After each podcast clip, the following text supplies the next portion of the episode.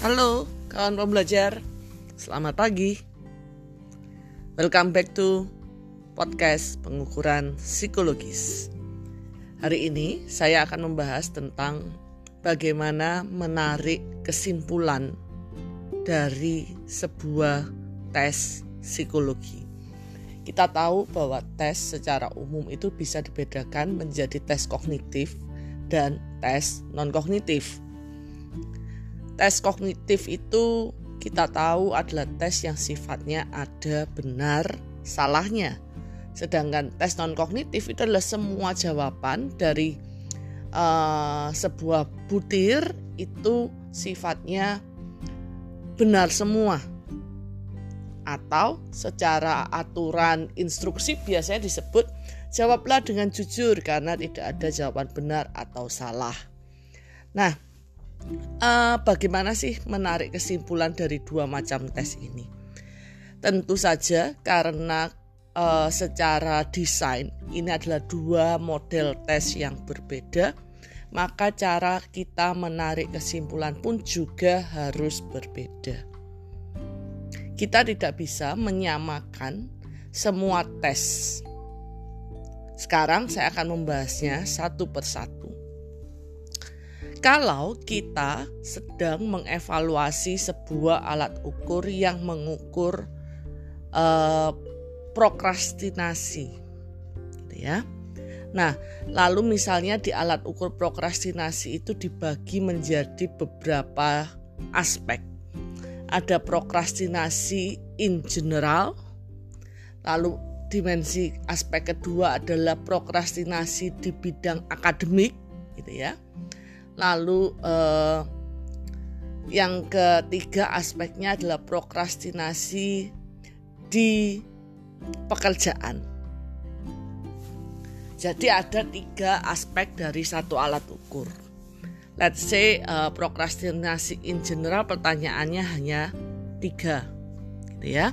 Lalu prokrastinasi di pendidikan soalnya delapan Lalu prokrastinasi di bidang pekerjaan aspeknya 5. Apa butirnya 5. Nah, setelah dianalisis total 16 item ini dianalisisnya kan harus satu per satu per dimensi gitu ya.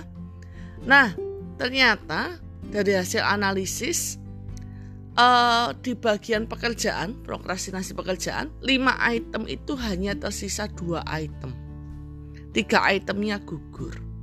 Lalu yang pendidikan dari uh, delapan item hanya sisa tiga item. Yang in general perfect, tidak ada satupun yang digugurkan. Nah, maka total item yang awalnya 16 gitu ya. Setelah dianalisis ternyata hanya sisa 8 separuh item rancangan harus digugurkan. Pertanyaan saya sederhana. Apakah berarti alat ukur prokrastinasi yang kita develop ini valid, bisa digunakan? Tentu uh, analisis tidak mudah gitu ya tetapi kita harus berani mengatakan bahwa kalau sebagian besar butir kita gugur dan butir yang tersisa tidak bisa mengcover teori, maka kita harus ngomong bahwa alat ukur kita tidak valid. Wait, contoh tadi saya katakan dari tiga dimensi, dimensi in general perfect. Sekarang pertanyaannya, kalau alat ukur prokrastinasi kita yang tiga dimensi ini tidak valid, apakah boleh kita hanya mengambil aspek prokrastinasi in general saja? Kan tadi katanya hasilnya perfect. Kawan pembelajar, contoh ini mengisyaratkan bahwa ketika kita bicara sebuah alat ukur prokrastinasi, yaitu uh, skala sikap. Walaupun prokrastinasi in general itu perfect, Tapi dimensi itu tidak bisa mengcover teori prokrastinasi secara utuh. Maka alat ukur prokrastinasi yang kita develop tidak bisa dipercaya untuk mengukur prokrastinasi secara akurat. Walau aspek dimensi prokrastinasi in general itu sempurna, kita tetap akan mengatakan alat ukur prokrastinasi hasil development kita tidak boleh dipakai. Karena tidak akurat mengukur indikator perilaku prokrastinasi secara menyeluruh. Jadi artinya apa? Satu item yang jelek, dua item yang jelek, mostly item yang jelek dari sebuah skala mengakibatkan satu kesatuan alat ukur tidak bisa dipakai di kemudian hari. Satu kesalahan fatal dari satu butir mengakibatkan seluruh butir dari satu set alat ukur harus digugurkan.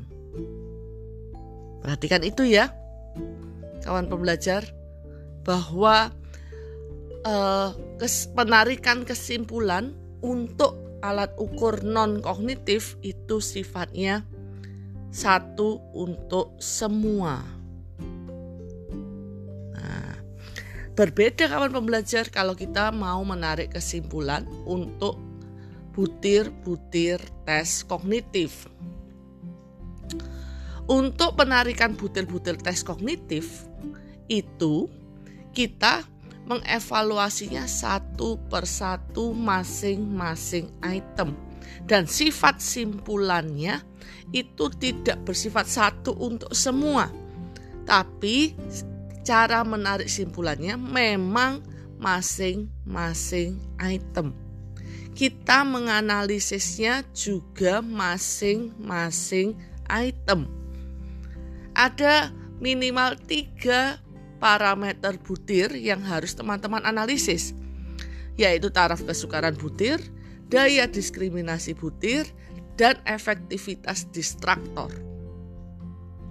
Jika tiga parameter butir ini mengindikasi butirnya harus digugurkan, maka yang gugur ya hanya butir tersebut, bukan satu set soal yang diujikan akan gugur semua hanya karena satu gugur, satu butir gugur. Kenapa kok bisa berbeda? Karena di dalam penarikan uh, kesimpulan tes kognitif itu sifatnya parsial. Kalau orang tidak paham teori behavioristik, tapi orang itu paham psikoanalisa, ya tidak apa-apa. Bukan berarti itu orang bodoh. Karena memang setiap orang punya kesukaan masing-masing dan kita sebagai manusia tidak harus bisa semuanya. Itulah esensi dari tes kognitif kenapa satu persatu. Satu kesalahan butir yang fatal tidak mengakibatkan seluruh ujian harus diulang. Itu poinnya. Ya, satu butir jelek tidak mengakibatkan ujian harus diulang. Karena penarikan simpulan butir kognitif di, didasarkan kualitas masing-masing item. Oke, kawan pembelajar, rangkuman dari podcast hari ini adalah kalau uh, tes non kognitif atau skala biasanya skala psikologis kita menariknya satu untuk semua. Satu jelek satu butir jelek maka akan mengakibatkan keseluruhan tes digugurkan. Ya satu butir fatal kesalahannya maka mengakibatkan keseluruhan item tidak bisa dipakai. Tapi kalau tesnya sifatnya kognitif, satu item yang salah tidak masalah karena item karena tes itu tidak akan digugurkan, tes itu tidak akan diulang hanya karena satu butir jelek. Oke kawan pembelajar, see you di podcast-podcast selanjutnya. Bye.